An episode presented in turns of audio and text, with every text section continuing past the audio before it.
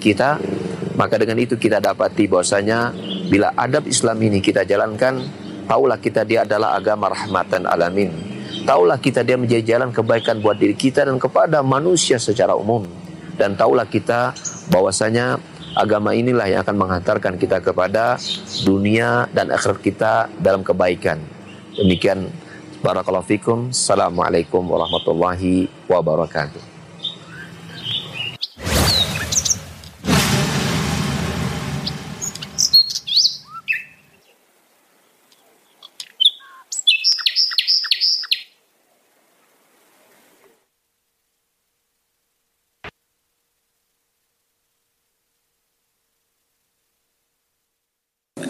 Lakukan dua jenis ikhtiar, ikhtiar lahir dan batin.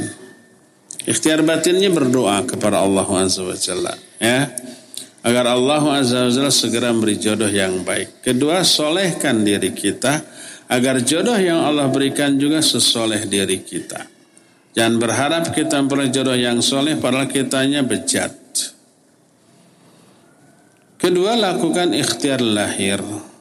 Ikhtiar lahirnya boleh kita minta tolong kepada kawan atau kepada siapa saja yang kita percayai, tolong carikan jodoh untuk saya. Itu pertama. Kedua, boleh menawarkan diri. Bila melihat ada seorang yang kita yakini dia baik untuk kita. Ini laki apa perempuan ya? Mana tulisannya? Tulisannya ini bisa laki bisa perempuan.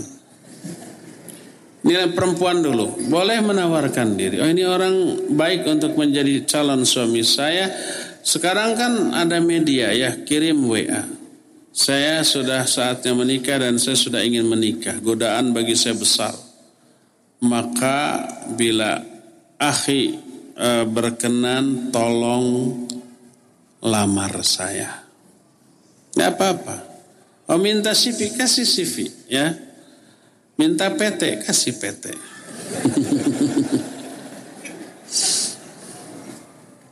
Semoga itu jadi jodoh. Jangan sampai karena gengsi, karena malu tidak menawarkannya, akhirnya disamber orang baru menyesal. Aduh, kenapa ya? Ya gitu.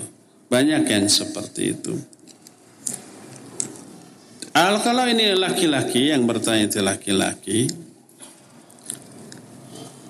maka cari wanita yang baik, cari informasi tentang kebaikan wanita itu setelah yakin istikharah, setelah yakin ah, lamar. Ukti saya sudah mau menikah dan saya sudah istikharah dan pilihan saya jatuh ke ukti. Tolong istikharah dan uh, saya tunggu jawabannya. Gentle kayak gitu ya. Adapun kalau ditolak afwan, anti akhi ini sudah yang ke-11. Dan saya sudah menerima yang lebih. Ya sudahlah atau umpamanya maaf saya tidak berkenan dengan akhi gitu. Ya sudah nasib itu. Cari lagi yang lain ya.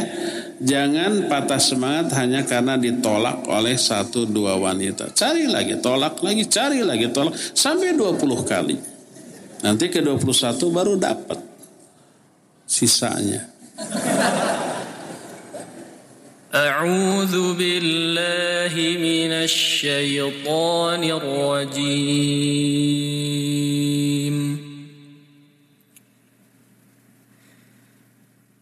بسم الله الرحمن الرحيم.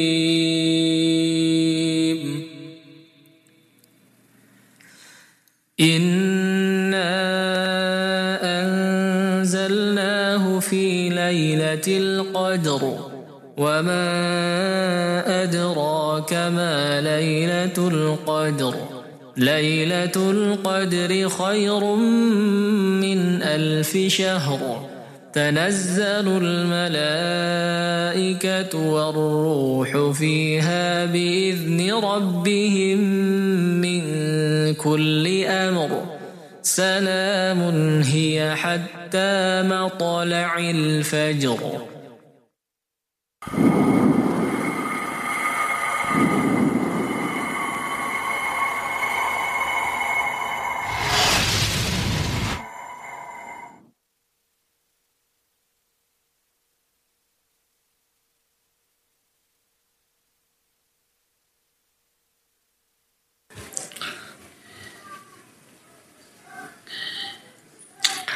Bagaimana nasihat-nasihat dan motivasi agar kita kukuh di atas sunnah dalam mempelajari agama Allah Azza wa Jalla. Pertama, pelajari atau yakini besarnya pahala yang akan Allah berikan kepada orang-orang yang berpegang teguh kepada sunnah. Pahalanya 50 kali lipat dari pahala para sahabat. Terus mereka itu dijanjikan guraba. Fatuba lil guraba. Guraba dalam hadis sahih disebutkan itu adalah pohon besar di surga. Teduh. Kata Rasul sallallahu fatu balil guroba. Maka berbahagia orang-orang yang guroba. Orang-orang yang terasing, mereka disebut guroba karena kelak akan memperoleh guroba di akhirat nanti. Yaitu alladzina yuhyuna ma amatan nasu min sunnati Orang-orang yang menghidupkan kembali sunnah-sunnah kami yang sudah dimatikan. Dalam riwayat lain, alladzina yuslihuna ma afsadan nasu min sunnati. Orang-orang yang memperbaiki sunnah-sunnah kami yang sudah dirusak. Itu pertama. Kedua, yakini bahwa orang yang berpegang teguh kepada sunnah akan plus syafaat dari Nabi alaihi salatu wassalam. Ketiga, yakini bahwa orang yang berpegang teguh kepada sunnah Nabi SAW dia akan wafat dalam keadaan husnul khatimah. Keempat, yakini bahwa orang-orang yang berpegang teguh kepada sunnah Nabi SAW kelak akan amat sangat dekat kedudukannya dengan beliau di akhirat nanti. Jadi semua itu membuat kita tergiur, kabita, dan itu memotivasi. Sebaliknya, pelajari kerugian dan bahaya kalau kita tidak berpegang teguh kepada sunnah Nabi. Kita akan terjerumus dalam berbagai macam kebidahan. Apa akibatnya? Akibatnya Nabi SAW melaknat orang itu. Nabi SAW berlepas diri dari orang itu. Orang itu akan diusir dari haud. Ketika di akhirat kehausan ada telaga, masing-masing orang mendatangi mendatangi telaga nabinya masing-masing. Nah, ada orang mendatangi telaga Nabi SAW diusir oleh malaikat. Kata Nabi SAW, Rabbi ummati umat. Ya Allah dia umatku. Kelihatan wajahnya cerah bekas wudhu. Kenapa diusir? Dijawab li'annaka la tadri ma ahdatsu ba'dak. Kamu tidak tahu apa yang mereka ada-adakan sepeninggalmu. Itu kerugian. Terus amal-amalnya tertolak. Man amila amalan laisa alaihi amruna fahuwa rad. Dan banyak lagi kerugian lain. Mengingat kerugian yang sangat-sangat mengerikan dan melihat keuntungan dari berpegang teguh kepada sunnah, kita akan termotivasi untuk berpegang kepada sunnah. Terus ngaji, ngaji terus dengan menghadiri kajian yang benar, yang di atas sunnah, bergaulah dengan sesama ahlu sunnah, dan hindari pergaulan dengan orang-orang yang menyimpang dari sunnah. Kalau kita tangguh, kita akan tetap sakit hati, ya, karena melihat dan mendengar sunnah dilecehkan. Kalau kita tetap bergaul dengan mereka, ya, kalau umpama kita kuat, kita akan sakit hati. Kalau kita lemah, kita akan terbawa oleh pola pikir mereka. Akhirnya kita pun sudah menyimpang lagi dari sunnah. Dan terakhir jangan lupa berdoa kepada Allah agar Allah mengistiqomahkan kita agar kita istiqomah di atas sunnah.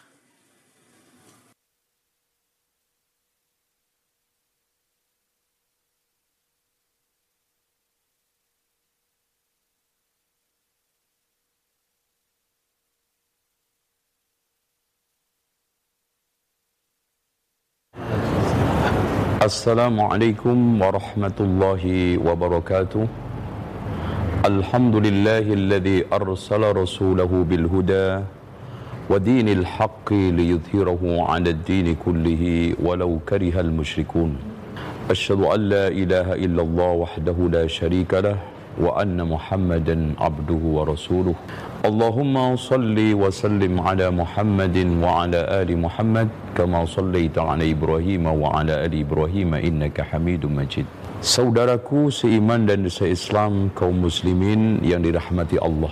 Rasulullah sallallahu alaihi wasallam diutus oleh Allah membawa misi hal hidayah sebagaimana yang telah ditekankan oleh Allah huwallazi arsala rasulahu bil huda wa dinil haq dialah Allah yang telah mengutus utusannya yaitu Nabi Muhammad dengan al-huda Yuk belanja di TS Mart.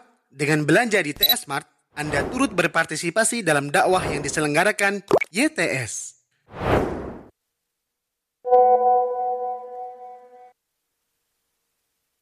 Download aplikasi Tarbiyah Sunnah di handphone Anda. Tersedia di Google Play dan App Store.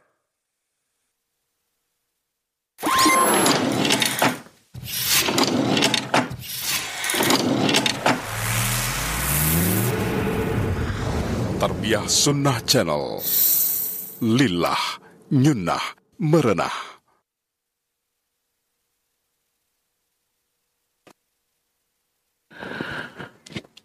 Kita mulai ya. Bismillahirrahmanirrahim. Assalamualaikum warahmatullahi wabarakatuh. Alhamdulillah Wassalatu wassalamu ala rasulillah Muhammad ibn Abdullah wa ala alihi wa ashabihi wa mawalah wa man tabi'ahum bi ihsanin ila yaumil qiyamah. Wa ba'd. Hadirin jamaah masjid Babur Rahman di BBR Buah Batu Regensi Bandung Jawa Barat yang Allah muliakan juga para pendengar radio Tarbiyah Sunnah Bandung dan radio-radio lain yang ikut ngerilai serta para pemirsa beberapa stasiun TV dan para netizen di mana saja Anda berada. Alhamdulillah kita kembali berjumpa untuk membahas Kitabul Ilm. Kita sudah sampai pada adab-adab di dalam mencari ilmu sudah tiga adab yang kita bahas. Pertama, niat yang ikhlas. Kedua, meniatkan mencari ilmu untuk menghilangkan kebodohan dari diri sendiri dan dari diri orang lain. Dan yang ketiga, meniatkan mencari ilmu untuk membela syariat. Tiga poin itu sudah kita terangkan. Kita lanjut yang keempat yaitu rihabatus sadar fi masailil khilaf. Berlapang dada dalam masalah-masalah yang diikhtilafkan. Setiap penuntut ilmu hendaklah dadanya lapang dalam masalah yang diikhtilafkan yang bersumber dari ijtihad. Karena perkara yang diikhtilafkan oleh para ulama ada dua kemungkinan. Kemungkinan pertama ikhtilaf atau berbeda pendapat dalam masalah-masalah yang bukan ranah ijtihad dalam masalah itu. Masalahnya sudah jelas. Disebutnya qat'i, pasti. Maka dalam masalah ini tidak boleh ikhtilaf. Masalah-masalah akidah, masalah-masalah tauhid, tidak boleh ikhtilaf. Rukun Islam, rukun iman, jumlah rakaat sholat, kemudian tata cara sholat uh, dari mulai berdiri, ruku, i'tidal, sujud, duduk antara dua sujud.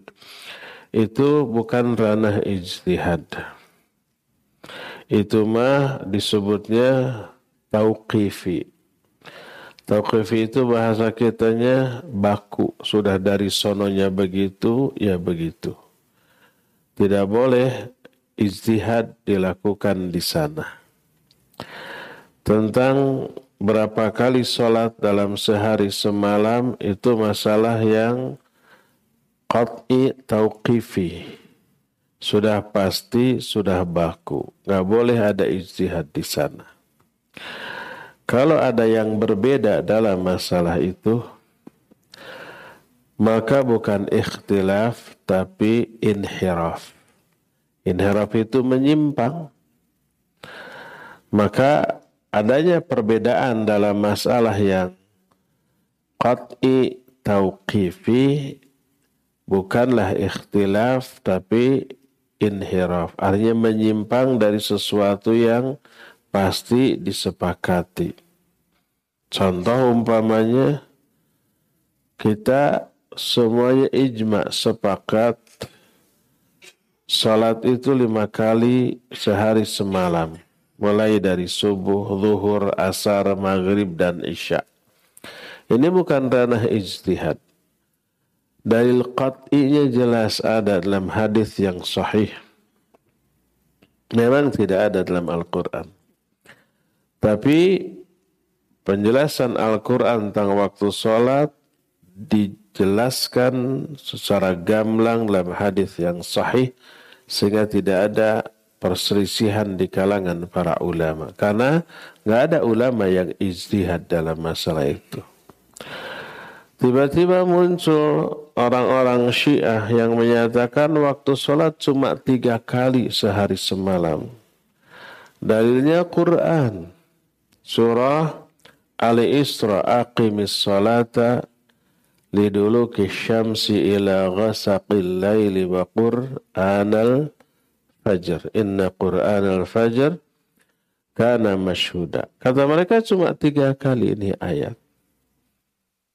Ayatnya benar enggak? Ayatnya pasti benar. Yang salah adalah penafsiran mereka. Mereka menggunakan ro'yu atau otak, tidak melirik hadis, tidak melihat penjelasan Nabi Ali Shallallahu dalam hadis yang sahih. Karena mereka tidak mempercayai hadis. Kenapa? Semua hadis itu diriwayatkan melalui para sahabat. Sedangkan menurut orang Syiah seluruh sahabat murtad kecuali empat orang. Namanya yang meriwayatkan hadis-hadis ini rata-rata yang sudah murtad, maka nggak diterima. Oleh karena itulah mereka menetapkan tiga kali. Ini bukan ikhtilaf, tapi apa? Inhiraf. Karena ini bukan masalah ijtihadiyah. Gak boleh ikhtilaf dalam masalah itu. Ikhtilaf yang terjadi adalah inhiraf. Artinya menyimpang dari suatu yang qat'i. Boleh ditolerir karena ini perbedaan pendapat? Gak boleh. Karena apa? Karena berbahaya. Akan ada konflik internal dalam kehidupan bermasyarakat. Saya sudah bilang eh, beri contoh umpah yang qat'i atau pasti nggak boleh ada ikhtilaf. Dua kali tiga, enam. Ada yang berpendapat dua kali tiga, delapan. Dua kali tiga jalannya dalilnya jelas. Duanya ada tiga. Dua tambah dua tambah dua empat. Kalau yang delapan mana? Ah pokoknya menurut saya mah delapan aja. Lalu mereka bilang kita saling menghormati perbedaan pendapat ini. Boleh dibiarkan? Gak boleh. Bahaya. Ada implikasinya terhadap kehidupan sosial? Ada. Ternyata dia jual bala-bala, harganya dua ribuan, kita beli tiga, kita bayar genap ribu.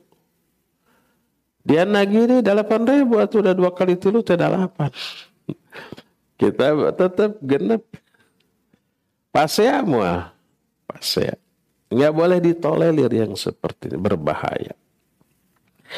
Ini ikhtilaf pertama adalah ikhtilaf yang adalah masalah yang tidak boleh ada ijtihad, maka ini tidak boleh ditolerir, nggak boleh ada ikhtilaf. Kalau ada namanya inhiraf. Kedua, wa imma an takuna mimma lil ijtihadi fiha majal. Fahadhihi ya'dhiru fiha bimukhalafatiha. Fahadhihi ya'dhiru fiha man khalafaha. ولا يكون قولك حجة على من خالفك فيها لأننا لو قبلنا ذلك لقلنا بالعكس قوله حجة عليك Kedua, is, uh, ikhtilaf dalam perkara yang memang dibolehkan ijtihad dalam hal itu. Maka ini wajib toleran dalam perkara yang diikhtilafkan alasanmu, pendapatmu tidak menjadi hujah yang menyalahkan orang yang berbeda denganmu. Karena kalau hal ini diterima, niscaya juga sebaliknya. Pendapat dia menjadi hujah yang mengalahkan pendapat kita. Nah yang dimaksud dengan berlapang dada di dalam masalah yang diikhtilafkan adalah yang ini dalam perkara-perkara ijtihadiyah. Ini masalah yang harus berlapang dada toleran. Adapun orang yang menyimpang dari pola hidup generasi salafus soleh seperti masalah-masalah akidah, maka tadi tidak boleh diterima. Karena masalah akidah disebut masalah qat'i. Masalah yang pasti. Dalam kehidupan kita ini ilmu eksakta, saklek. Seperti dua kali tiga, enam, nggak boleh ada perbedaan pendapat. Ada yang tujuh, ada yang delapan, nggak boleh. Ini disebut eksak, dalam bahasa agama disebut qat'i, tidak boleh ditolerir adanya perbedaan dalam masalah tersebut. Tapi dalam masalah-masalah yang lain yang memang merupakan ranah ijtihad, maka tidak boleh perbedaan pendapat menjadi penyebab kita mencelak pihak yang berbeda atau menjadi penyebab lahirnya permusuhan dan kebencian. Para sahabat radhiyallahu anhum ajmain ikhtilaf dalam banyak urusan, dalam banyak masalah. Siapa yang ingin mengetahui hal itu, silakan dirujuk asar-asar riwayat-riwayat yang ada dalam masalah saya akan kita temukan banyak ikhtilaf di kalangan para sahabat. Saya kasih umpamanya beberapa contoh. Ketika habis perang Ahzab, Nabi SAW sudah menggantungkan pedangnya tuh. Datang malaikat Jibril. Ada urusan yang belum selesai itu Bani Quraidah. Mereka khianat. Gak boleh dibiarkan harus dihukum. Lalu Nabi SAW mengutus para sahabat untuk pergi ke sana. Beliau berwasiat la yusalliyana ahadun al-asr illa fi bani Quraidah. Jangan sampai kalian melakukan sholat asar kecuali di Bani Quraidah. Akhirnya mereka berangkat. Tapi begitu di perjalanan asar tiba. Waktu asar sudah datang. Para sahabat ikhtilaf tuh. Kata yang satu, pesan Nabi, sholat asar harus di sana. Kata yang lain, enggak maksud Nabi itu mestinya asar kita sudah sampai di sana gitu. Tapi kalau umpamanya ada kendala sehingga asar masih di perjalanan ya sholat asar sekarang di sini sudah tiba. Kalau sampai di sana keburu maghrib nanti. Ikhtilaf para sahabat. Karena ucapan Nabi SAW disebut muhtamal. Muhtamal itu memiliki lebih dari satu kemungkinan. Kemungkinan pertama maksud ucapan Nabi SAW kalian segera usahakan asar sampai di sana, sholat asar di sana gitu. Artinya jangan lelet gitu kan. Tapi kalau ternyata asar sudah datang ketika di perjalanan, ya sholatlah asar di perjalanan. Ini menurut kemungkinan pendapat yang pertama. Kemungkinan pendapat yang kedua, pokoknya mah wajib asar di sana. Mau asarnya keburu di jalan atau tidak, tetap saja asar. Ini ikhtilaf para sahabat. Ini pertama nih. Contoh yang kedua.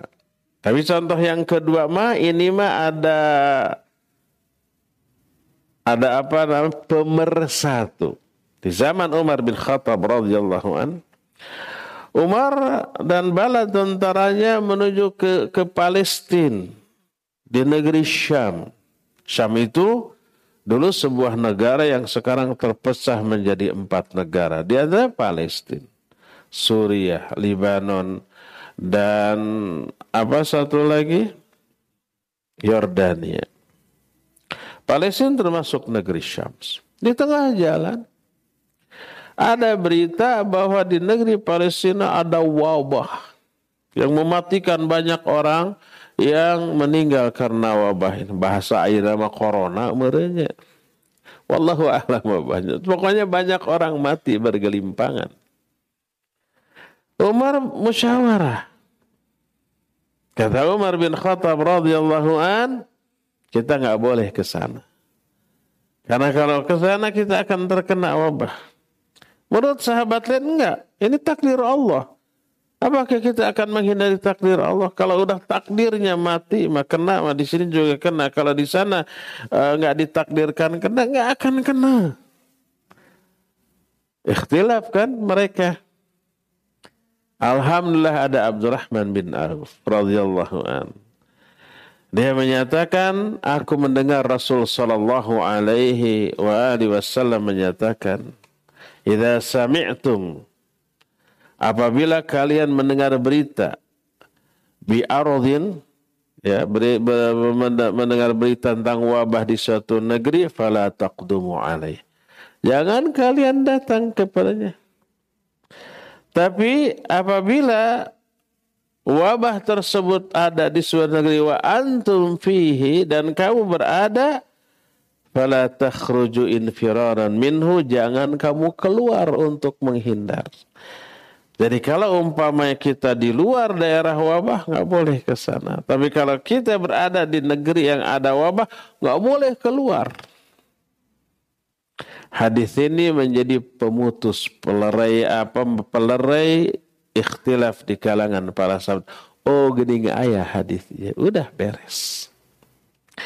Jadi banyak nanti kalau kita masih ada waktu di hari ini kita akan bahas beberapa penyebab timbulnya ikhtilaf di kalangan para sahabat, apalagi para ulama. Tapi yang jelas mah para sahabat juga ikhtilaf dalam banyak masalah, masalah-masalah fikih.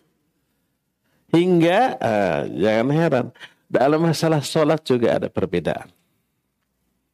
Padahal mereka melihat sholat Nabi alaihi salatu wassalam. Nanti akan kita bahas bila ada waktu. Kayaknya nggak akan ada. Jadi tidak boleh ikhtilaf dalam masalah menjadi penyebab timbulnya kebencian dan permusuhan.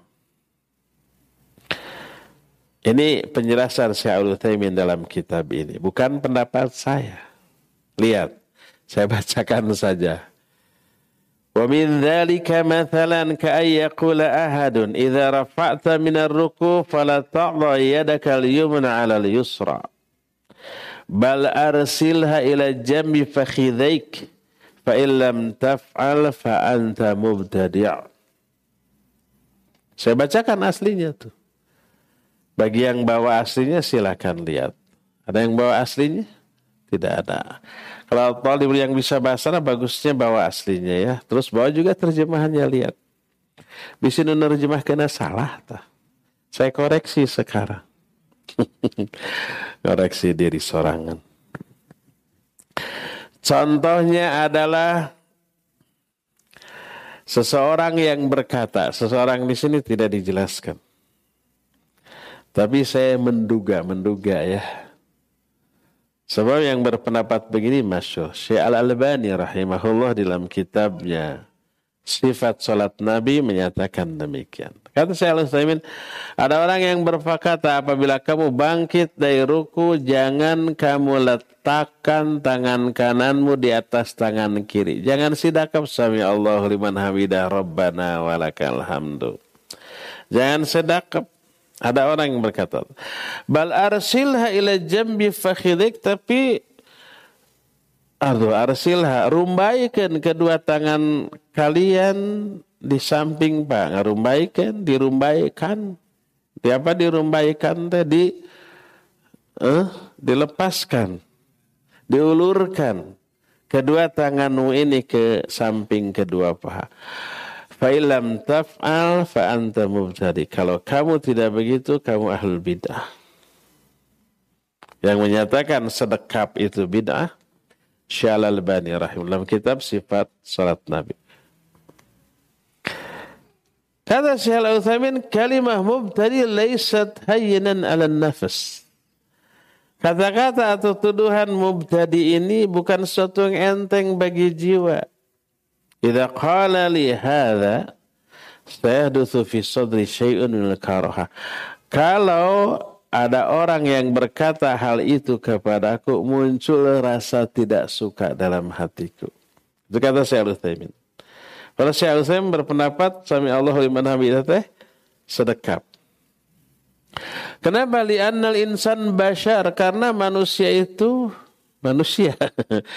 Karena manusia itu orang insan manusia, bashar juga manusia. Aku menerjemahkan.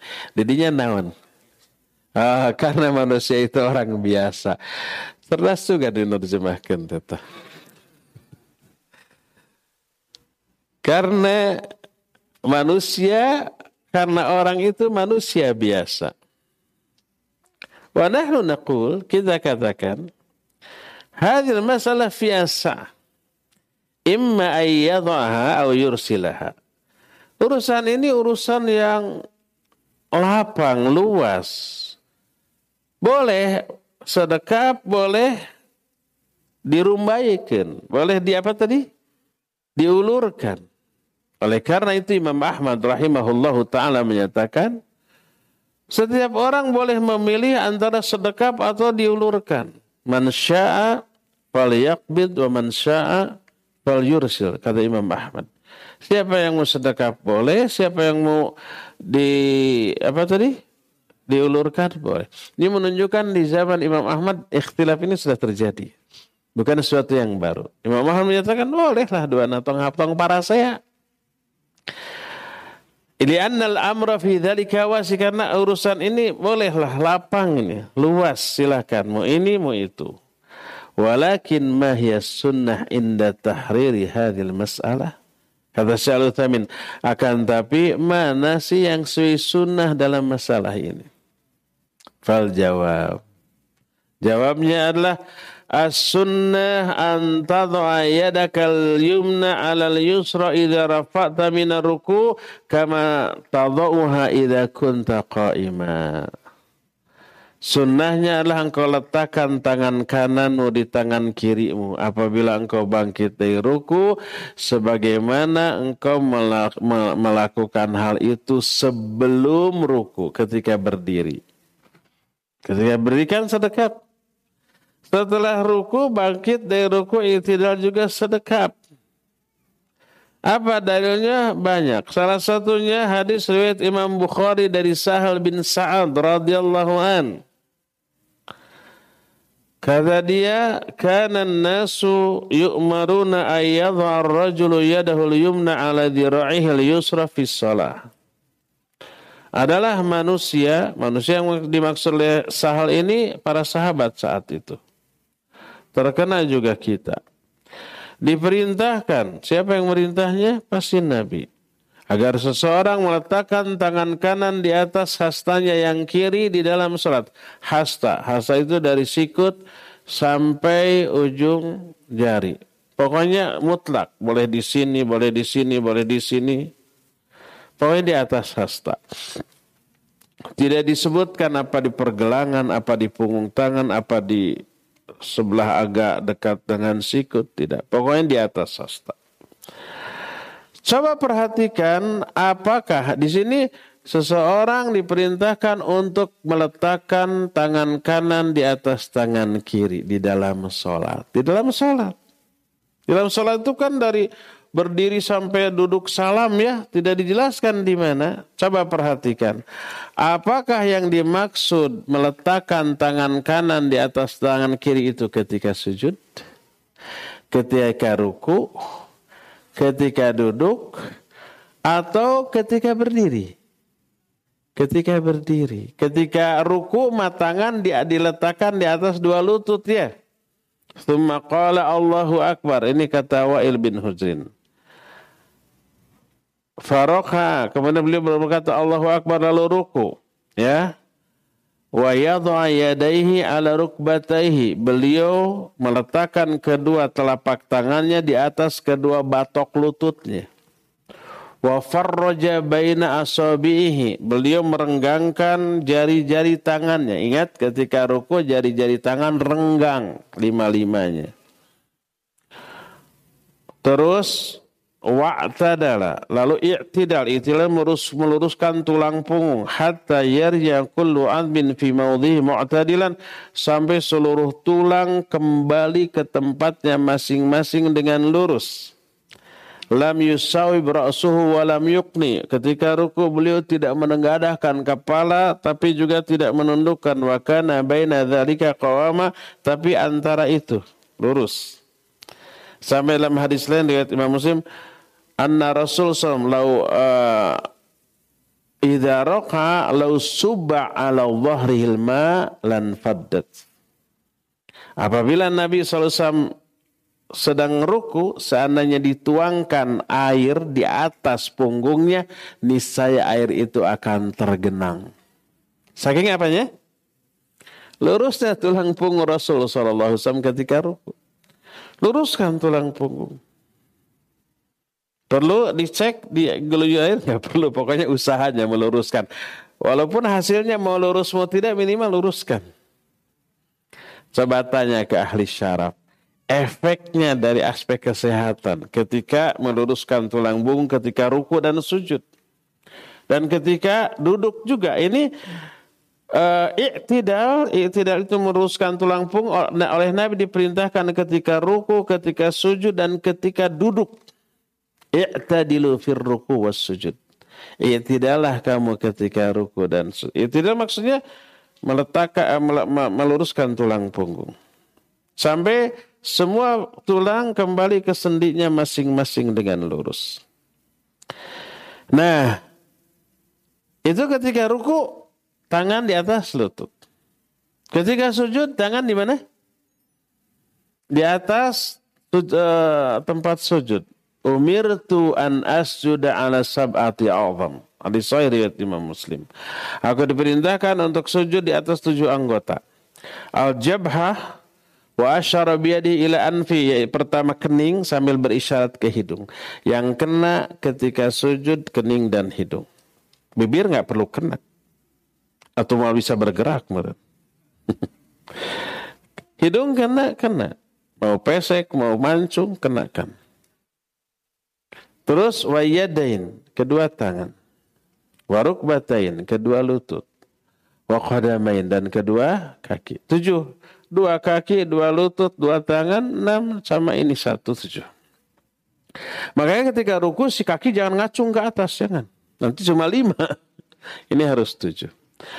Jadi ketika ruku ada keterangan kedua tangan di atas lutut, ketika sujud ada keterangan kedua tangan di atas tempat sujud, di atas tanah. Ketika duduk kedua tangan di atas kedua paha. Ya, ketika Nabi bangkit di uh, thumma rafa'a minas sujud.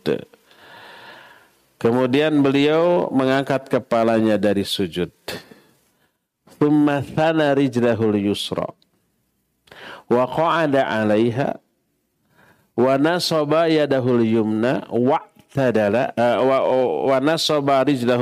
wa'tadala hatta yarja kullu fi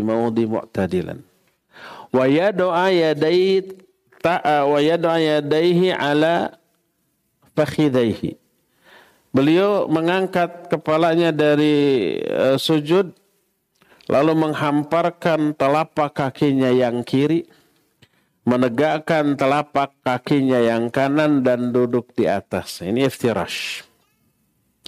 Wa'tadala dan beliau beriktidal, beriktidal meluruskan tulang punggung uh, ketika duduk sampai semua tulang kembali ke sendinya masing-masing dan lurus dan meletakkan kedua tangannya di atas kedua paha. Jadi ketika ruku ada keterangan tentang letak tangan, ketika sujud juga ketika duduk. Satu-satunya yang tidak ada keterangan tentang letak tangan hanya ketika berdiri. Sedangkan berdiri ada dua. Berdiri sebelum ruku dan berdiri setelah ruku. Nah ini kata Syekh Al-Utsaimin rahimahullah. Kata beliau la tidak, kedua tangan tidak diletakkan ketika sujud, eh, tidak sedekap ketika sujud, ketika ruku atau ketika duduk. Bal yuridu bidzalika fi halatil qiyam. Tapi maksud sedekap di sana ketika berdiri. Wadzalika yashmulul qiyam qabla ruku wal qiyam ba'da ruku. Dan ini mencakup berdiri sebelum ruku ataupun setelah ruku. Di bagian lain ketika dalam Fatwa Dhil Jalal wa Ikram Syarah Bulughul Maram, Syaikhul menerangkan. Di dalam sholat tidak ada posisi yang iseng. Dalam arti iseng itu tidak memiliki sikap khusus. Iseng itu uh, seperti keadaan sebelum sholat. Ketika orang sebelum sholat berdiri tegak, tangan umumnya di mana? Di bawah. Begitu masuk sholat seluruh anggota tubuh memainkan peran masing-masing. Ketika angkat tangan, telapak tangan mengangkat, uh, menghadap kiblat, sejajar bahu atau boleh sejajar telinga atau boleh pertengahan di antara dua-dua ini ikhtilaf. Imam An-Nawawi rahimahullah kitab Al-Majmu' Syarah Al-Muhadzab ketika memadukan dua keterangan Kadang Nabi sampai dua telinga, kadang sampai kedua bahu. Sebagian ulama menyatakan dua-duanya boleh, sebagian ulama menyatakan maksudnya itu sama. Jadi antara telinga dan bahu jadi tengah-tengah. Ini ikhtilaf. Ada peran. Dan ketika berdiri sedekap, ada peran. Ketika ruku, semua anggota tubuh ada peran. Kedua tangan di atas lutut. Ketika berdiri bangkit dari ruku juga si tangan nggak boleh iseng ke bawah ke bawah ini sikap di luar sholat. Sedangkan sikap di dalam sholat sebagai seorang pengabdi kedua tangannya sedekap. Baik sebelum ruku ataupun setelah ruku. Seandainya ini ke bawah, niscaya ini sikap yang iseng seperti sikap di luar sholat sebelum sholat. Apalagi ada orang macam-macam kan ketika sabi Allah lima hamilah tidak sedekap. Ada yang ayun-ayunan kedua tangan katanya. Ada yang disimpan di bawah di belakang bokongnya gitu kan. Ada yang siap-siap nyingsatkan celana gitu kan. Untuk laki-laki. Karena kalau celana tidak di, disingsatkan, di apa? Ditarik. Nanti kalau uh, uh, ruku, eh kalau sujud, jadi rigid gitunya. Yang paling berbahaya itu ketika pakai sarung. Pas mau sujud, entah disingsatkan maesan. Langsung sujud. Akhirnya apa yang terjadi? Ketekan kan bagian atas sarung. Pas duduk, udar. apa itu udar? Lepas. Bahaya. Untung masih pakai celana. Jadi di dalam sholat apa pun gerakannya tidak ada sikap yang iseng seperti sebelum sholat. Makanya ini lebih kuat kata Syaikhul Tami. Allah liman hamidah rabbana walakal hamdu.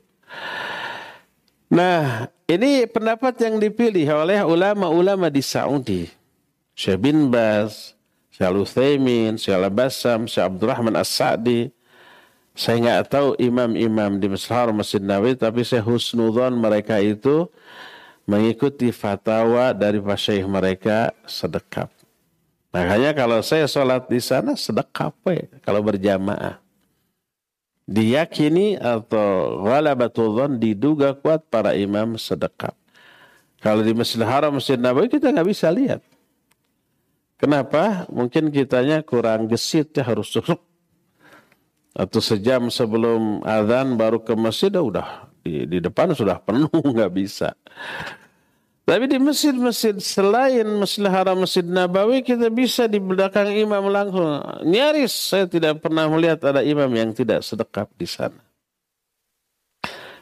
Karena memang fatwa para ulama di sana menyatakan sedekap dengan dalil ini. Terlebih nih ada hadis yang sorih. Sorih itu gamblang jelas. Diriwayatkan oleh Imam Ahmad dalam kitab musnadnya. Bahwa Nabi SAW dijelaskan thumma qala sami Allahu liman hamidah.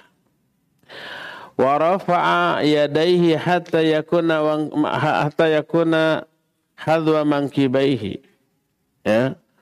Lalu beliau mengatakan sami Allahu liman hamidah sampai sambil mengangkat kedua tangan sampai berbetulan dengan kedua bahu Faro'aituhu mumsikan yaminahu ala shimali wa wadu ala sodri. Aku melihat dengan mata kepala sendiri, ini kata Wa'il bin Huzin, beliau memegangkan tangan kanan ke tangan kiri dan meletakkannya di atas dada. Ini setelah mengatakan Sami Allah liman hamidah. Sedangkan Sami Allah liman hamidah hanya ada satu gerakan. Kapan? Itidal. Selain itidal kan takbirnya. Hanya itu. Berarti ini setelah ruku. Ini sorry jelas. Tumma qala sami Allahu liman hamida. Lalu beliau mengatakan sami Allah liman. Berarti habis ruku tuh.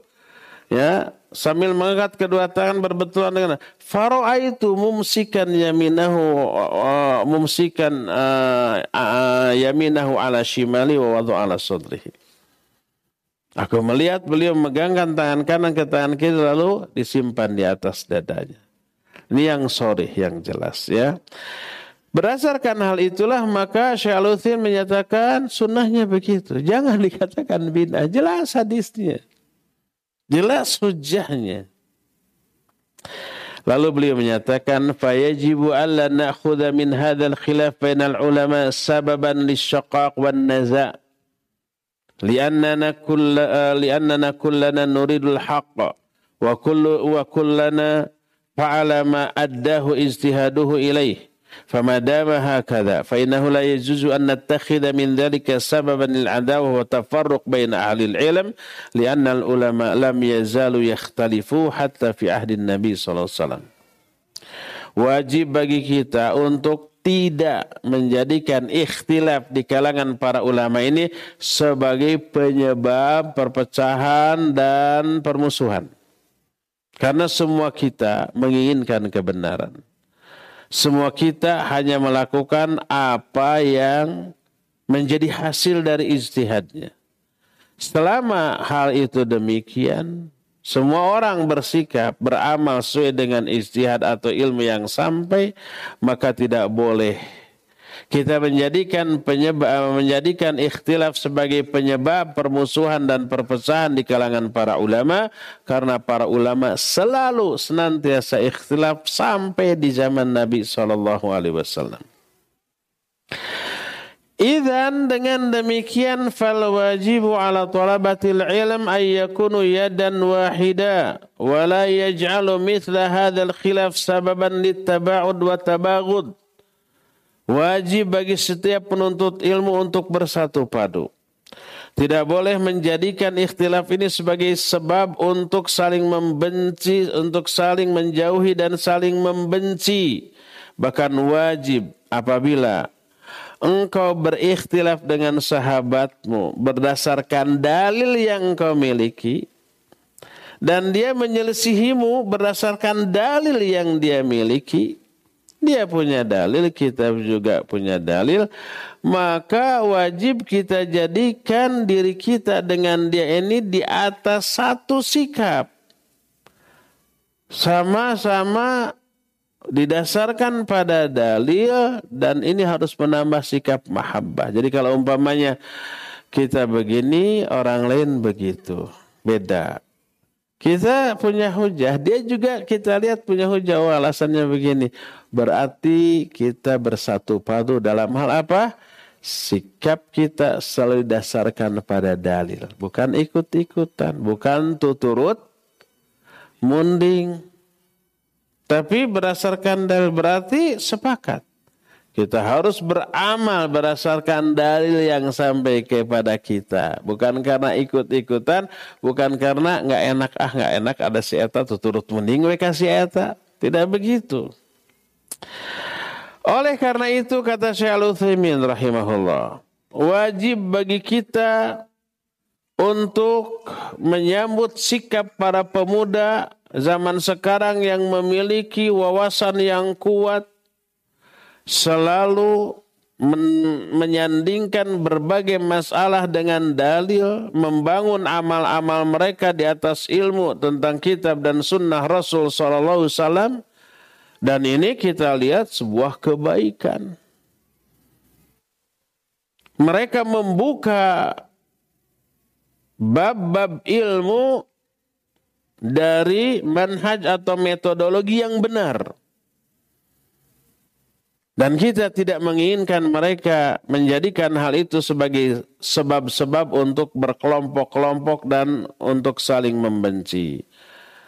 Karena Allah Azza wa Jalla berkata kepada Nabi-Nya alaihi salatu wasallam dalam Al-Quran surah Al-An'am 159 Allah menyatakan Innal ladhina farraqu dinahum wa kanu syi'a lasta minhum fi Sesungguhnya orang-orang yang memecah belah agama mereka sehingga mereka menjadi bergolongan-golongan, berkelompok-kelompok, tak ada tanggung jawabmu terhadap mereka sedikit pun dalam masa itu. Itu bukan tanggung jawabmu. Kesalahan terjadi pada diri orang-orang yang berkelompok-kelompok tersebut.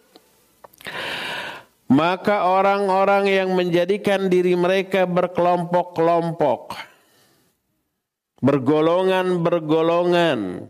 Kita tidak setuju kepada mereka dalam hal ini. Karena kelompok golongan atau pasukan Allah itu satu, Hizbullah itu satu.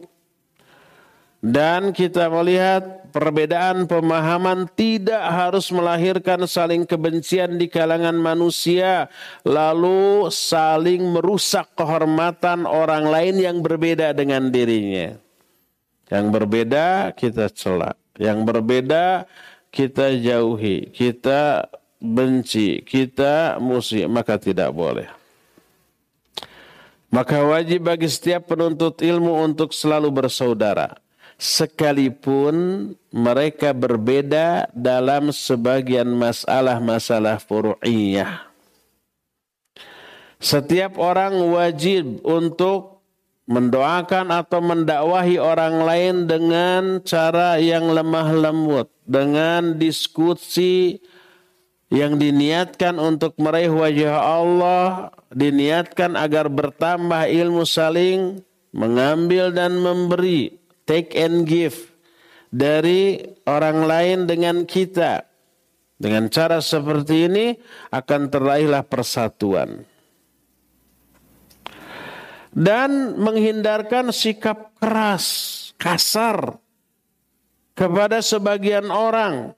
Sampai-sampai karena sikap keras, kasar, dan saklek itu kadang-kadang bisa sampai kepada perpecahan dan permusuhan dan ini tidak diragukan lagi membuat musuh-musuh kaum muslimin menjadi senang, berbahagia, bergemilah sorak mereka tertepuk tangan. Ini yang dilarang oleh Allah dalam Al-Quranul Karim. Lihat surah Al-Anfal ayat 46. Wa Allah wa rasulah wa la tanaza'u. Fatafshalu wa hukum wasbiru innallaha ma'as sabirin. Taati olehmu Allah dan Rasulnya. Jangan kalian berselisih. Lalu kalian menjadi lemah. Dan hilang kekuatan kalian. Bersabarlah. Karena sungguhnya Allah mencintai orang-orang yang sabar. Jadi perbedaan pendapat di kalangan manusia itu tidak mungkin bisa dihindarkan. Kalau setiap perbedaan pendapat membolehkan saling membenci, memusuhi atau kita terlalu banyak musuh daripada kawan, ya enggak? Pasti semua orang menjadi musuh kita.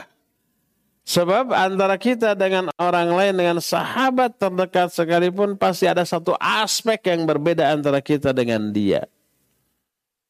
Kalau begitu semua orang musuh bagi setiap orang, ya enggak? Bahaya. Enggak boleh seperti itu. Dahulu para sahabat radhiyallahu anhum ikhtilaf dalam masalah-masalah seperti ini tapi hati mereka tetap satu. Di atas sikap saling mencintai dan persatuan serta kesatuan. Bahkan ingin saya tegaskan secara gamblang di sini. Ini yang harus mendasari sikap kita ketika berbeda dengan orang lain. Ikhtilaf kita dengan orang lain ini itu sebenarnya kesepakatan kita dengan orang yang berbeda tersebut. Ini lihat perkataan Syekh Utsaimin. Ini juga ditegaskan oleh Al-Imam Syatib dalam kitab Al-Itisam nanti saya kutip. Kata Syekh Al-Utsaimin, rajula idha khalafaka bi dalil indah, fa innahu muwafiqun laka fil haqiqah." Apabila seseorang berbeda denganmu karena tuntutan dalil yang dia miliki. Menurut dia berdasarkan dalil yang sampai kepada dia pendapatnya begitu. Berbeda dengan kita yang begini. Maka pada hakikatnya dia sepakat dengan dirimu. Di mana letak kesepakatannya? lianna kulla minkuma talibun lil haqiqah wa bitali fal hadaf wahid karena masing-masing kalian kamu dan dia itu menuntut hakikat kebenaran yang didasarkan pada ilmu maka tujuannya satu dia beramal karena mengamalkan dalil yang sampai kepada dia, kita beramal mengamalkan dalil yang sampai kepada kita. Hanya saja dalilnya aja berbeda. Karena dalilnya berbeda, maka pendapatnya juga berbeda. Tapi kesepakatannya apa? Kesepakatannya sama-sama beramal berdasarkan dalil. Itu kesepakatannya. Maka Umar bin Abdul Aziz radhiyallahu an menyatakan ikhtilaful ulama kaittifaqihim. Ikhtilaf para ulama itu berarti kesepakatan mereka. Sepakat dalam apa? Sepakat bahwa masing-masing orang harus berpendapat berdasarkan dalil yang difahami yang sampai kepadanya. Yang sampai kepada dia begitu, yang sampai kepada kita begini. Akhirnya berbeda. Iya, tentu saja. Nggak mungkin yang sampai kepada dia begitu, yang sampai kepada kita begini. Eh, si dia harus begini. Nggak bisa. Berarti dia menyelisihi dalil yang sampai kepada dia, ya enggak? Jadi perbedaan pendapat di kalangan manusia itu bukti nyata kesepakatan mereka. Sepakat bahwa kita harus beramal berdasarkan dalil. Bukan tuturut munding. Bukan ngikut-ngikut pendapat orang, bukan mengikuti pendapat orang banyak, tapi mengikuti dalil yang sampai kepada kita. Dan sampainya dalil kepada setiap orang berbeda-beda tergantung dari sejauh mana dia menelaah. Orang yang sehari-harinya bongkar kitab, baca kitab, dengar penjelasan para ulama, dia akan lebih banyak mengetahui dalil dibanding orang yang hanya ucang angge sajanya Kalau umpama membuka buku, cerpen yang dibaca. Komik yang dibaca. Kalau buka YouTube yang dibuka video-video yang bersifat hiburan. Kalau searching di Google yang dibaca berita, gosip, atau hal-hal lain yang tidak berkaitan dengan agama. Bagaimana mungkin orang seperti ini bisa mengetahui dalil? Bagaimana mungkin orang yang seperti bisa mengetahui ilmu yang menjadi landasan bagi beramal? Berbeda dengan orang ketika baca buku yang dibaca kitab. Yang dibaca penjelasan para ulama tentang hadis, tentang tafsir, tentang akidah, tentang fikih, tentang kaidah, usul fikih atau yang lain-lainnya gitu ya. Kalau dia buka YouTube yang dibuka adalah ceramah penjelasan masyaikh yang muskil. Yang muskil itu yang riwuh, yang ruwet, yang susah untuk uh, apa namanya difahami atau uh, dipecahkan. Itu ada penjelasan detail dari para ulama berdasarkan kaidah dari ilmu yang mereka sudah pahami yang sebenarnya selama ini tidak kita ketahui. Oh begini, oh begini, oh begini. Baru ilmu itu sampai kepada kita. Dalam jumlah yang banyak, sebanyak yang sebanding dengan kesungguh-sungguhan kita, ikhtiar kita di dalam menggalinya. Nah, jadi yang penting adalah kuasai dalil, pahami, ya. Kemudian setelah diyakini silakan amalkan walaupun hasil akhir berbeda dengan orang lain. Orang itu menelah, kita menelah, mungkin yang ditelahnya beda mungkin ya.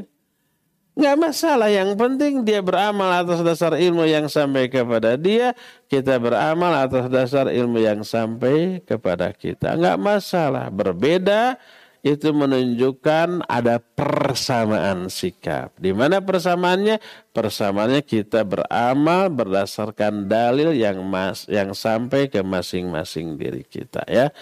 Dari sinilah wajib bagi kita berlapang dada dalam masalah-masalah yang diikhtilafkan.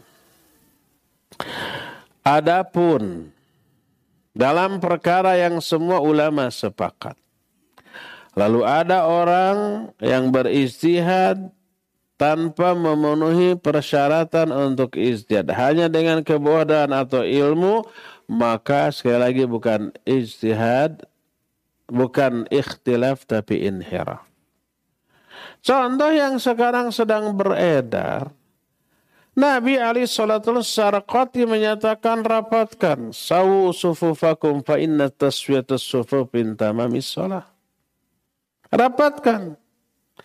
Jangan renggang sampai disebutkan watarasu. Tarasu itu rapatkan. Sampai seorang sahabat menyatakan yulziku ka'bahu bi ka'bi sahibi wa mankibahu bi mankibi sahibihi. Sampai para sahabat itu menempelkan kaki dengan kaki, bahu dengan bahu sambil rapat. Nas hadis. Maka para ulama sepakat tahu su, Nabi sebelum sebelum memimpin tahu sufakum fa inna taswiyata sufuf min tamamis. Luruskan dan rapatkan salat kalian. Karena lurus dan rapatnya bagian dari kesempurnaan salat. Kot ini ulama sepakat. Lalu ada orang yang menyatakan renggang bisa bau jengkol, bisa bau pete, bisa bau kelek gitu kan. Di zaman Nabi sempit sekarang mau luas. Itu bukan istihad, itu kebodohan. Istihad didasarkan pada ilmu. Kebodohan didasarkan pada akal, pada ro'yu. Saya sering bilang akal bukan alat untuk memahami sesuatu. Alat untuk memahami sesuatu mah apa? Ilmu. Akal mah wadah ilmu. Kita punya akal. Bisakah kita menjelaskan Bagaimana HP ini bisa dijadikan alat komunikasi jarak jauh dengan orang yang ada di Saudi kita bisa video call, bisa chatting, bisa nelpon. Akal kita bisa? Nggak bisa. Akal siapa yang bisa? Akal ahli IT. Ya enggak? Ahli informasi teknologi. Baru bisa. Kenapa dia bisa kita tidak? Dia banyak punya ilmu tentang IT, kita mah tidak. Sama-sama berakal. Kita punya akal, dia punya akal. Mungkin kita lebih cerdas daripada dia. Tapi kecerdasan akal kita tidak diisi oleh ilmu IT. Dia mah diisi. Jadi yang menjadi alat yang bisa memahami dan menjelaskan bagaimana HP bisa jadi alat komunikasi bukan akalnya, tapi apanya? Ilmunya. Kita punya akal, dokter punya akal. Terus kita sakit, apakah dokter berakal? Saya juga berakal. Dokter bisa ngobatin, kenapa saya tidak? Boleh kita katakan begitu? Nggak bisa. Betul, dokter berakal, kita juga sama berakal. Tapi akal dokter diisi oleh ilmu tentang kesehatan, anatomi tubuh, jenis penyakit, obat dan seterusnya. Mereka paham belajar dan praktek di bawah bimbingan ahlinya. Kita mah kosong dari ilmu itu. Padahal kita sama-sama berakal. Jadi yang menjadi alat untuk bisa memahami sesuatu apa? Ilmu, bukan akal. Demikian juga Quran Sunnah. Kenapa para ulama bisa memahami Quran Sunnah karena ilmu tafsir, ilmu hadis, seluruh ilmu syar'i mereka pahami. Diisi itu akalnya itu. Nah orang yang tidak paham akalnya itu kosong. Lalu akal yang kosong dari ilmu dipakai memahami. Bahaya. Bukan alatnya akal. Makanya Nabi mengancam alaih salatu wassalam man Qala fi kitabillahi bi ra'yihi. Dalam riwayat lain man fassara al-Qur'an bi ra'yihi au bima la ya'lamu falyataba maqadahu minan nar. Siapa orang yang menafsirkan Quran dengan ra'yu atau tanpa ilmu maka siap-siap menempati tempat duduk dalam neraka. Jelas hadisnya rapat dan lurus. Eh renggang, bisa bau kelek. Nabi menyuruh rapat mah dulu sempit. Sekarang mau luas. Ada yang ngomong begitu? Ada. Namanya si Panji itu. Bukan tukang nangkap ular. Itu orang dengan royu bodoh tentang syariat. Tapi akal yang dipakai bahaya. Kita wajib memuliakan wanita, maka wanita safnya di depan. Oh berarti Nabi menghinakan wanita yang menyatakan afdalus sufufi rijal awwaluha wa afdalus sufufi nisa akhiruha. Sof yang paling afdol bagi laki-laki di depan, yang paling uh, afdol bagi wanita di belakang dan sebaliknya. Seburuk-buruk sof bagi laki-laki di belakang untuk wanita depan. Kita muliakan wanita, maka sofnya sejajar. Malah disuruh khutbah, disuruh ceramah pakai royu tuh. Oh ini pendapat saya, kita saling menghargai perbedaan pendapat. Itu bukan pendapat, itu kebodohan. Pendapat itu hasil ijtihad. Ijtihad itu harus berdasarkan ilmu. Dilakukan oleh ahlinya, baru itu pendapat. Adapun yang berdasarkan kepada kebodohan bukan pendapat, bukan kaul, tapi itu kebodohan. Syafahah namanya. Itu wujud atau hasil berpikir yang didasarkan kepada kebodohan, bukan kaul, bukan pendapat. Sama dengan orang yang tidak tahu tentang ilmu teknologi penerbangan, menyatakan nggak masuk akal besi tontonan bisa hiber, bisa ngapung, tidak jatuh, kita mah hanya puluhan kilo loncat semeter juga ambruk lagi, eh, masalah di, di pangku kujin. Itu pendapat bukan? Bukan pendapat itu kebodohan. Karena didasarkan pada ilmu. Malah salah di pangku jin gitu kan. Tapi bagi orang yang faham tentang teknologi penerbangan seperti Pak Habibie, beliau bisa menjelaskan kenapa besi puluhan ton bisa terbang dengan kecepatan ribuan kilometer per jam. Tapi kita sendiri yang beratnya hanya puluhan kilo, satu meter pun juga langsung jatuh lagi. Dengan ilmunya bisa diterangkan oleh ahlinya. Tapi dengan kebodohan, lebeng. Dan jangankan itu, saya sempat untuk mendengar uh, pembicaraan orang-orang awam, mungkin SDGT tamatnya. Saat itu ada orang-orang yang buruh kasar. Hujan. Dengar-dengar berita, iya mah hujan buatan Nah, waduh gede-gede teh. Nya buatan Allah. Kan gitu. Nah kumaha eta teh jadi cai di dicana ku Gatot Gaca luhur di aur-aur. Kan gitu nya. Pikiran orang awam begitu. Nggak tahu ilmunya dia. Apa yang dimaksud dengan hujan buatan gitu. Tapi oleh ahlinya bisa diterangkan yang dimaksud hujan buatan tuh begini, begini, begini. Bukan bawa air pakai pesawat terus di di banjur-banjur bukan begitu. Jadi orang yang menyatakan nggak ada hujan buatan itu bukan pendapat, tapi kebodohan. Orang yang menyatakan pesawat itu pasti dipangku kujin, itu kebodohan. Berdasarkan hal itulah maka yang menyatakan kita hargai wanita dengan silakan diberi hak untuk sholat di depan jadi imam kek jadi khotib itu kedunguan atau kebodohan. Bukan pendapat, bukan kaul. Karena didasarkan kepada ro'yu yang kosong dari ilmu. Itu bukan ikhtilaf, tapi apa tadi? Inhiraf. Dan inhiraf selalu lahir dari kebodohan. Bodoh yang dipaksa-paksakan berpikir tentang sesuatu, lalu hasilnya nyelane. Bukankah orang yang mengomong begitu profesor doktor kan menunjukkan pinter. Dalam bidang apa dulu profesor doktornya? Dalam bidang anu tapi bodoh dalam bidang lain.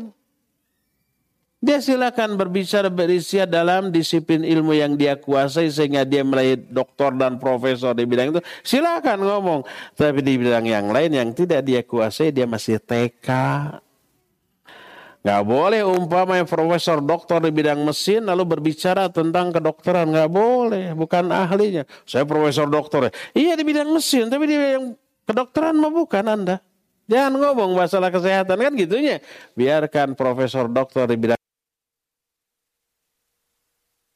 di bidang kesehatan yang berbicara. Jadi gelar lihat dulu di bidang apa gelarnya, lalu ngomongnya di dia di bidang apa. Kalau memang di bidangnya oke. Okay. Berarti dia ngomong berdasarkan ilmu bukan berdasarkan ro'yu. Tapi kalau di luar bidangnya berarti dia berdasarkan ro'yu dan bukan berdasarkan ilmu.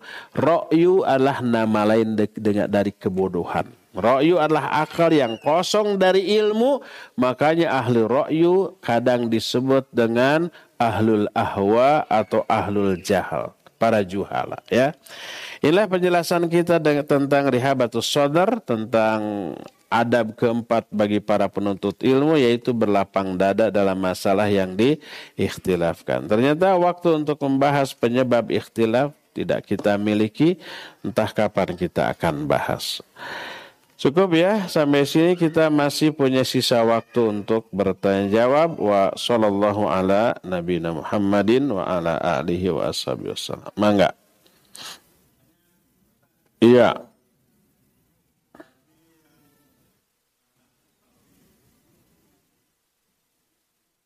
Assalamualaikum warahmatullahi wabarakatuh. Waalaikumsalam warahmatullahi Tadi disampaikan masalah shop, sholat.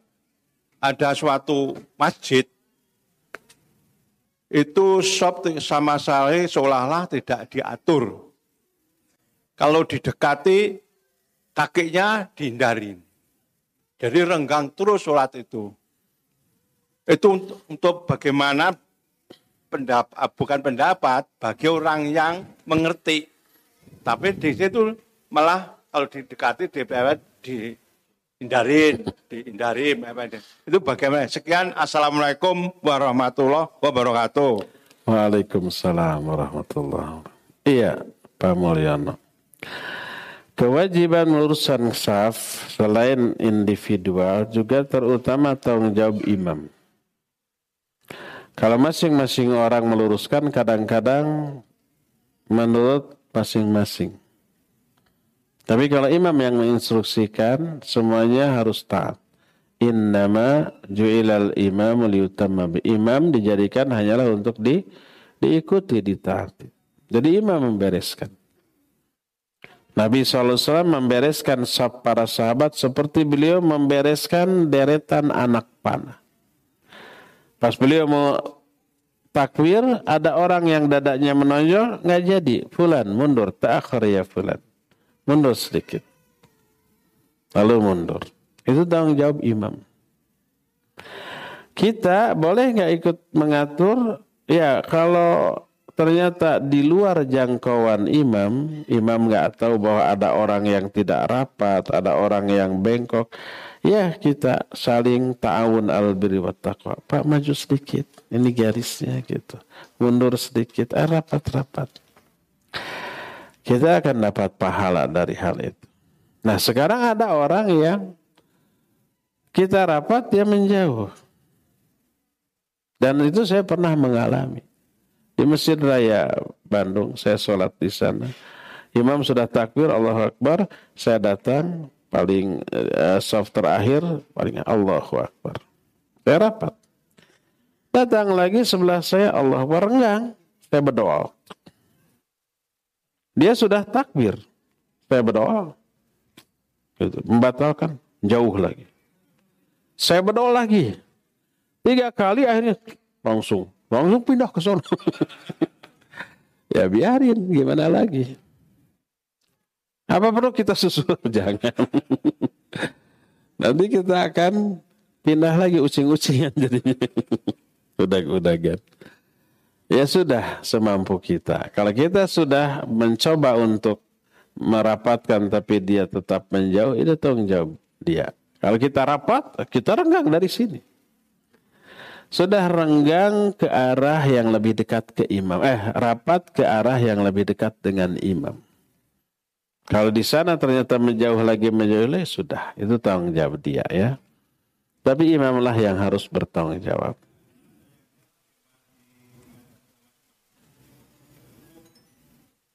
Berarti tanggung jawab imam kalau udah cukup jangan jangan rapat-rapat. Nanti nggak leluasa, renggang aja. Itu tanggung jawab imam imam yang berdosa ya. Kalau kita protes bisa berantem sebelum sholat. Saya imam di sini kalau nggak suka sana, nggak bisa begitu. Ya sudah, diam saja demi kemaslahatan. Itu tanggung jawab imam.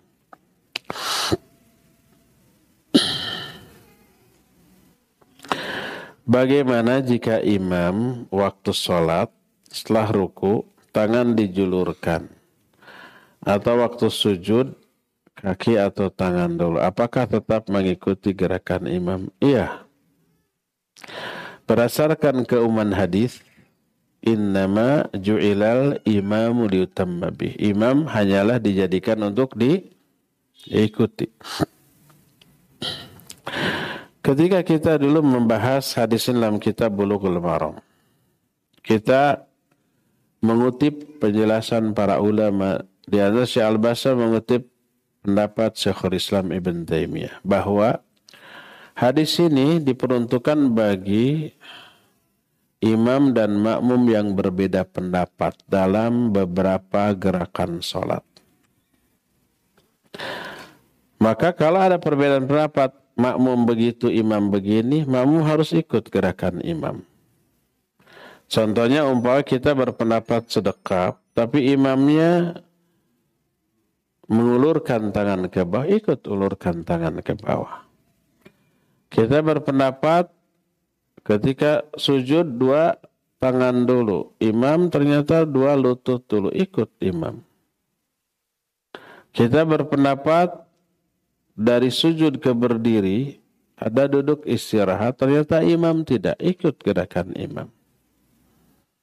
Berdasarkan keumuman hadis tadi, innama ju'ilal imamu liyutamma bih. Lalu Syekh Utsaimin dalam kitab Fatwadil Jalil wa Ikram Syarah Bulughul Maram menjelaskan dalil yang paling kuat bahwa makmum wajib mengikuti gerakan imam walaupun walaupun nih menurut makmum gerakan imam ini bid'ah. Ada banyak dalil pertama. Ketika makmum masbuk ketinggalan satu rokaat. Ketika imam setelah rokaat kedua duduk istirahat, duduk tahiyat awal kan, kita yang masuk kan baru satu rokaat. Harusnya kan wajib berdiri kan ke rokaat kedua kan, karena kita kurang satu rokaat. Harusnya wajib berdiri.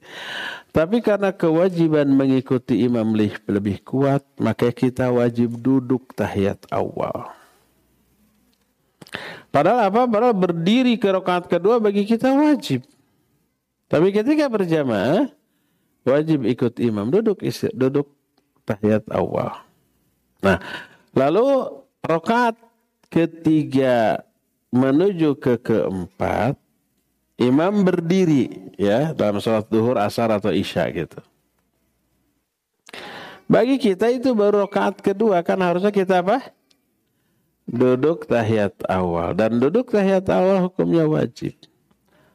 Tapi karena kewajiban mengikuti imam lebih kuat, maka kita tinggalkan tahiyat awal. Kita ikut berdiri. Ini dalil yang paling kuat keharusan makmum mengikuti imam. Walaupun berbeda antara makmum dengan imam. Yang pertama. Kedua, sikap para sahabat dalam masalah bid'ah marwaniyah. Marwan, salah seorang penguasa saat itu, ketika sholat id, dia merubah seperti sholat Jumat. Perbedaan antara Jumat dengan sholat id apa? Kalau Jumat khutbah dulu baru sholat. Kalau id sholat dulu baru khutbah. Itu perbedaan. Terbalik. Oleh Marwan dibalik seperti sholat Jumat jadi khutbah dulu baru sholat. Maka dikenal dengan sebutan bid'ah Marwan. Dia, dia tabi'in. Para sahabat saat itu masih banyak yang hadir, yang yang hidup. Diingkari.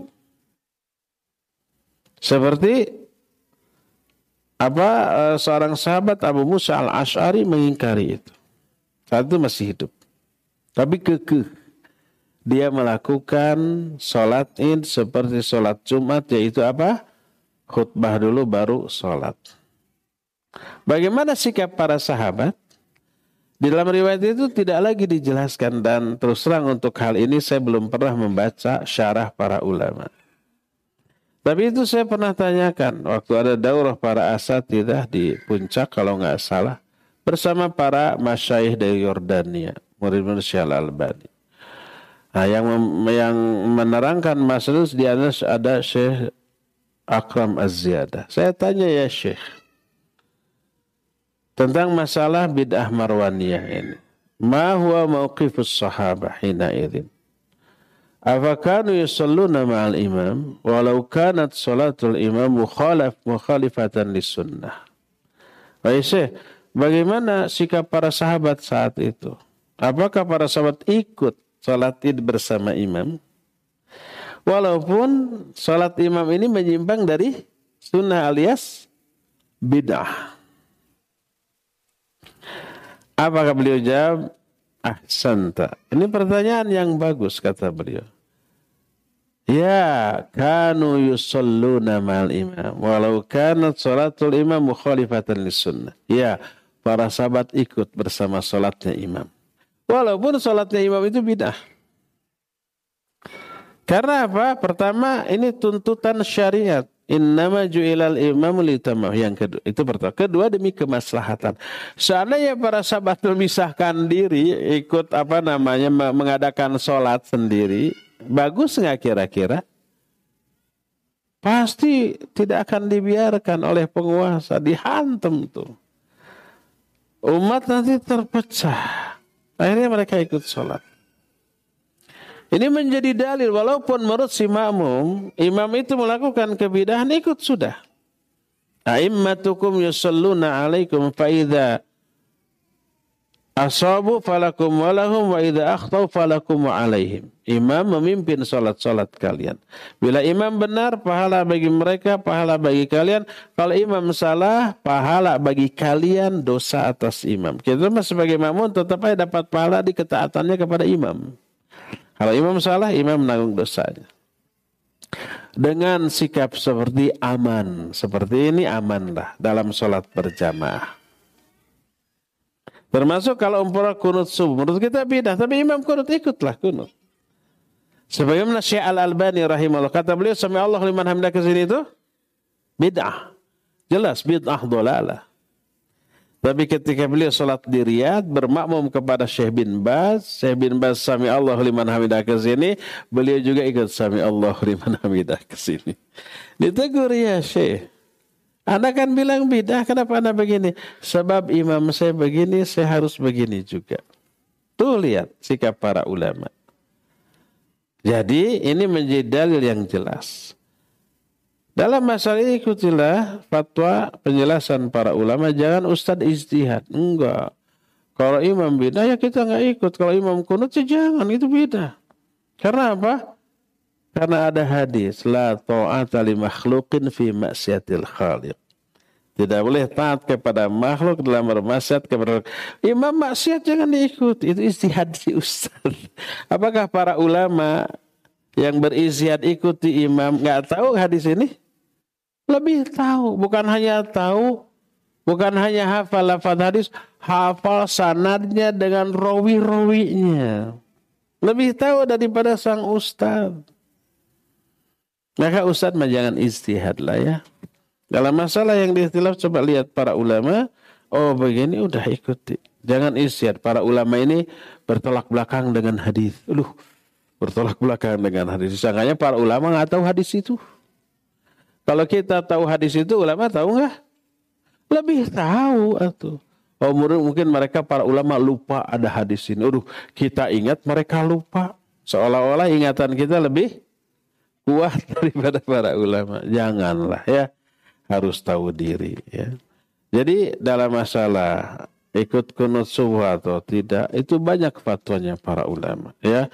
Dalam masalah waktu musim pandemi COVID-19 para ulama memfatwakan renggang boleh ini isian enggak hadis harus diikuti daripada fatwa ulama lalu para ulama enggak ikut hadis apa ya dalam hal para ulama membolehkan memakai masker ketika sholat sejak mulai Imam An Nawawi dahulu tuh ya kalau ada udur kalau memang ada hadis tidak boleh menutup wajah ketika sholat nah nah Rasulullah Nabi SAW melarang menutup wajah, menutup mulut ketika sholat.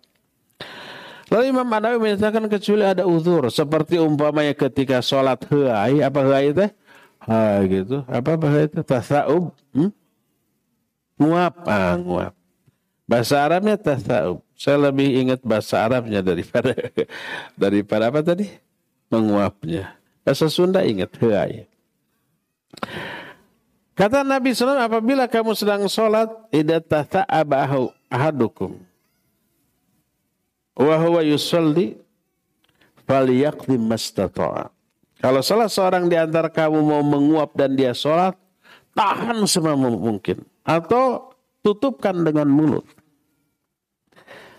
Kata Imam An-Nawawi hadis ini sahih riwayat Imam Muslim. Ini menunjukkan kalau ada uzur tertentu boleh menutup mulut ketika sholat. Contohnya ketika huai. Padahal huai tidak berisiko, tidak berbahaya. Paling bau. Tapi walaupun tidak berisiko, tidak berboleh tutup mulut. Ada alasan. Apalagi kalau ada alasan yang lebih berbahaya daripada sekedar huai. Seperti ada virus yang apabila tidak tutup mulut bisa apa namanya mudah tertular ya dari sini para ulama semua istihad boleh menutup mulut ketika sholat dengan masker kayak atau dengan sesuatu ya itu mereka lebih faham hadis-hadisnya lebih tajam analisanya. Eh, Ustaz berpendapat ini hadis jelas nggak boleh, Nabi melarang. Adapun kena atau tidak takdir itu mah. Uh. Seolah-olah kalau mengikuti fatwa ulama menentang hadis. Padahal fatwa ulama didasarkan pada hadis tetapi lebih kompleks penelaahan hadis yang mereka bahas. Kalau Ustaz ini hanya tahu satu dua hadis saja sudah. Daya analisa terhadap hadis tumpul, tidak setajam para ulama. Udah ikut saja fatwa ulama. Mereka dijamin lebih ber, di, bisa dipertanggungjawabkan dalilnya daripada istihad seorang jahil walaupun ustad. Ustad jangan istihad lah ya. Wallahu a'lam bissawab. Sudah habis waktunya.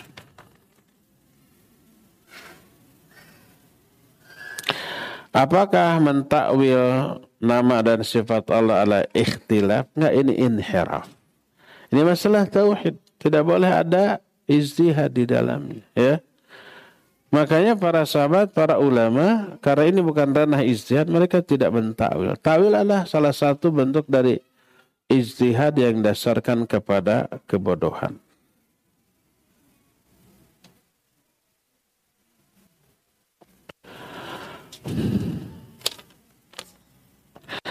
Mana yang lebih utama? Salat di masjid dekat rumah tapi imam bacaan fatihahnya belum baik? Atau sholat di masjid yang bacaan fatihahnya lebih baik namun agak jauh? Agak jauh, gak masalah. Lebih jauh lebih bagus. Karena langkah-langkahnya dihitung kan. Langkah kanan dapat pahala, langkah kiri menghapus dosa. ya Makanya dianjurkan kerap langkah-langkahnya. Jangan loncat sekali sekali langkah semeter. Nanti langkahnya pendek. Nanti langkahnya sedikit. Kerepek. Ya. Bila perlu 5 cm selangkah. Jadi ribuan langkah. Gitu ya. Ambil jarak terjauh. Boleh nggak zigzag jalannya? Biar tanah, mangga. Tidak ada larangan. Dalam rangka memperbanyak langkah ya. Zigzag ke sini. Asalnya 100 langkah kami ini 1000 langkah baru. Dengan syarat tidak boleh terlambat sampai di sana sudah salam. Jangan. Itu lebih harus dikejar ya. Berjamaah dari awal harus lebih dikejar ya. Kalau mau santai relax zigzag begitu, Ya dari awal lah setengah jam sebelum azan, mangga zigzag setengah jam baru sampai. Kecuali ini, kecuali kalau kita sholat yang lebih jauh menjadi fitnah. Jamaah dan DKM serta imam di masjid terdekat tersinggung. Terus suudon, wah jangan-jangan itu mengkafirkan kita, makanya nggak mau sholat sama kita. Kalau pokoknya timbul ma mas ma madarat lah. Akhirnya kita dicurigai, dibenci, dimusuhi, di, difitnah macam-macam. Nah, maka udah sholat aja di sana. Biarlah kesalahan imam, tanggungan imam ya. Cukup ya sampai di sini insyaallah kita jumpa kembali di masa yang akan datang. Subhanakallahu bihamdik asyhadu an la ilaha illa anta astaghfiruka wa atubu ilaik. Walhamdulillahi Rabbil Alamin. Wassalamualaikum warahmatullahi wabarakatuh.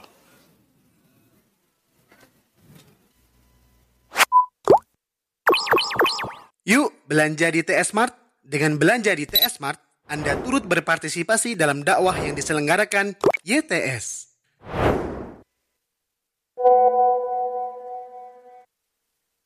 Hadirilah tablik akbar dan launching program TSL Islamic Academy Sabtu sore di Masjid Pusdai Bandung bersama Ustadz Abu Haidar Asundawi Hafizahullah. Tidak akan bisa menjadi orang bertakwa sebelum kamu berilmu. Dengan tema Upgrade Ilmu, Upgrade Kehidupanmu. Yuk, ajak serta keluarga dan teman-teman ke taman-taman surga. Semoga Allah ringankan langkah kita dalam menuntut ilmu agama.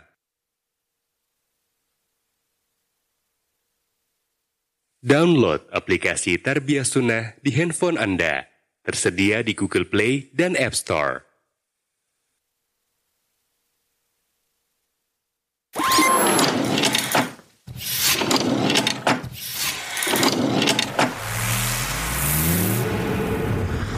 Tarbiyah Sunnah Channel. Lillah, nyunnah, merenah.